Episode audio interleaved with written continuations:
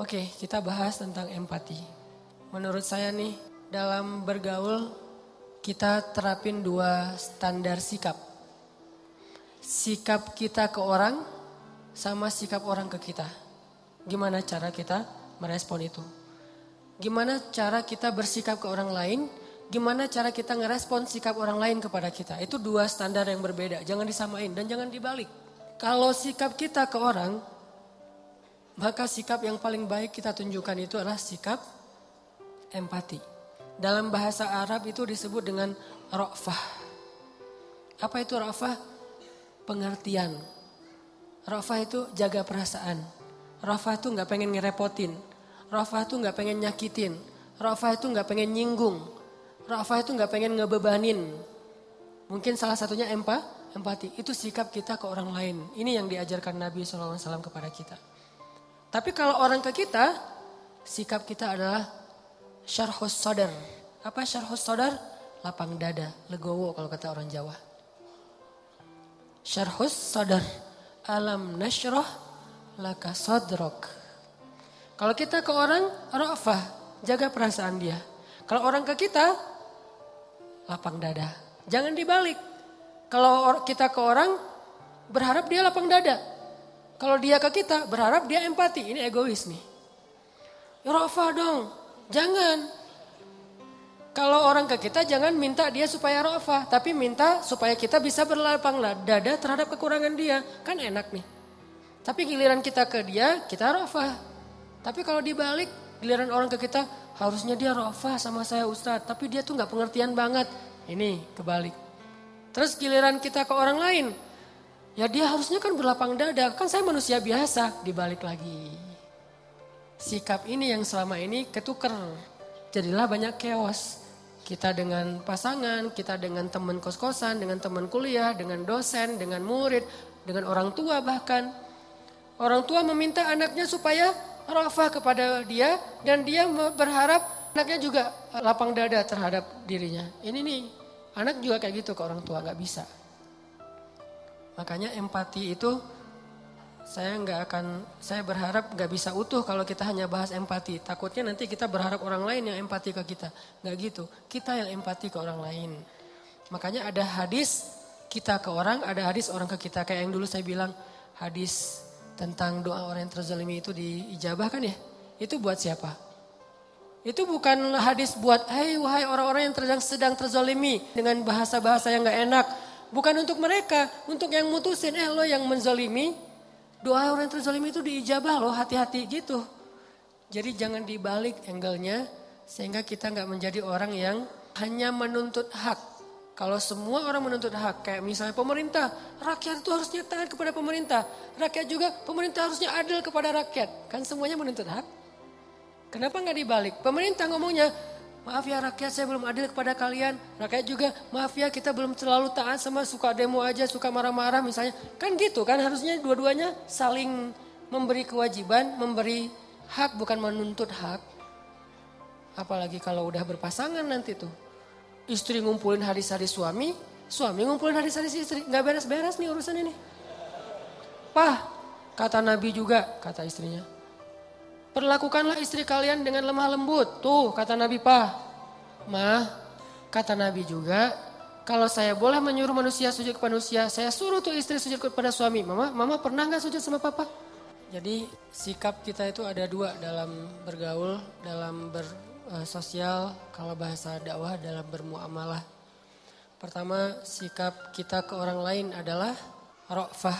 Kalau ditanya dalil mah sebetulnya ada dan jelas banget di Al-Quran Allah menyebutkan pertama kalau di dalam surat Al-Qalam itu wa inna kala ala khuluqin. Nabi Muhammad itu adalah teladan paling ideal dalam masalah muamalah akhlak. Paling ideal udah. Tinggal kita contohin aja gimana Nabi ke orang lain gimana Nabi dari orang lain ke beliau. Kalau beliau ke orang lain Disebutin oleh Allah di surat At-Taubah 128 tuh. Akhir surat At-Taubah. Bil mu'minina ra'ufun rahim. Nabi Muhammad itu kepada orang yang beriman ra'ufun. Ra'uf itu dari kata ra'fah. Ra'ufun dari kata ra'fah. Apa arti ra'fah? jaga perasaan orang banget, empati banget, pengertian banget. Itu kalau beliau ke orang lain. Saking pengertiannya Nabi ke orang lain, sampai-sampai Nabi itu jadi sering jadi kayak ngeberatin diri sendiri, jadi kayak korban gitu demi menjaga perasaan orang. Kalau ada sahabat bikin salah, Nabi nggak akan langsung negur beliau di depan umum, negur orang itu di depan umum. Kan ini berarti kita dalam kehidupan sosmed kita kan kalau misalnya ada postingan yang kayak gimana menurut kita keliru, jangan di komen negurnya, di DM. Tapi DM-nya nggak dibaca Ustadz, japri. Nggak dirit juga Ustadz, doa aja. Mudah-mudahan Allah gerakkan untuk membaca. Kalau nggak lewat siapa gitu, teman dekat. Pokoknya jangan di depan umum deh. Itu kalaupun masukan kita benar. Jangan-jangan udah ramai di depan umum ternyata salah pula. Ini kan berarti kita kayak agak-agak konyol gitu kan ya. Kenapa? Karena kita nggak jaga perasaan orang lain. Jangan sampai kita terbiasa walaupun e, sosmed itu kan terbuka ya, siapa aja bisa ya, tapi tetap muslim ada etikanya. Jangan sampai kita terbiasa dengan sosmed yang terbuka akhirnya bebas mau ngucapin apa aja sampai kata-kata yang nggak pantas juga keluar. Tapi saya nggak mau ngerespon yang kayak gitu-gitu males. Jadi malah rame. Nah ini namanya empati jaga perasaan, pengertian sama apa orang lain rasain. Tempatkan diri kita kalau saya diginin nyaman gak ya? Nah kayak gitu. Ra'fah bil mu'minina ra'ufun rahim. Sangat menjaga perasaan. Jangankan perasaan manusia, Nabi perasaan hewan aja dijaga loh. Perasaan hewan ya. Sampai ada hadis kalau di kitab Riyadus Solihin itu larangan berbicara atau ber apa bercakap-cakap di atas kendaraan. Maksud kendaraan di situ hewan tunggangan. Dilarang dalam Islam itu dua orang laki-laki sambil naik di atas hewan tunggangannya, terus hewannya berdiri aja nganggur, kita ngobrol gitu. Nggak boleh dalam Islam. Kalau pengen ngobrol yang lama, apalagi ngopi-ngopi, udah aja turun dari hewan, biar hewan itu cari makan, istirahat dulu dia mungkin mau berebah atau ngapain gitu ngelurusin kakinya apa capek kan.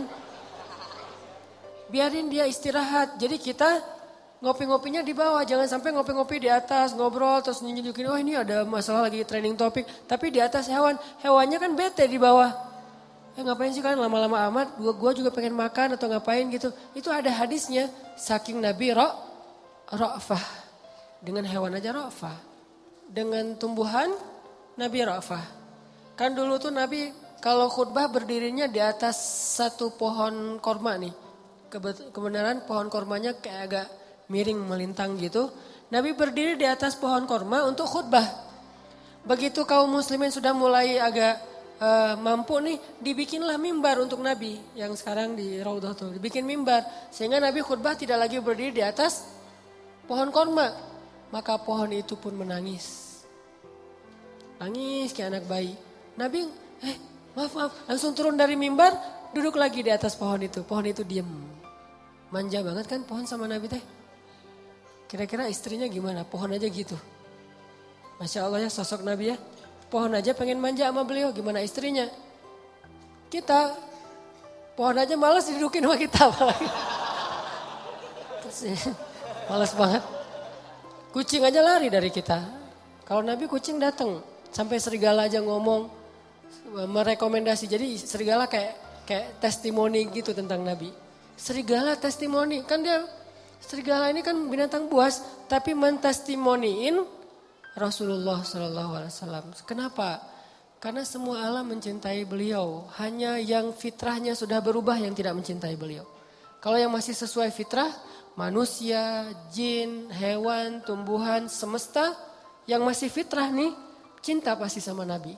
Hanya hati-hati yang sudah berubah, tidak lagi fitrah yang tidak cinta kepada Nabi.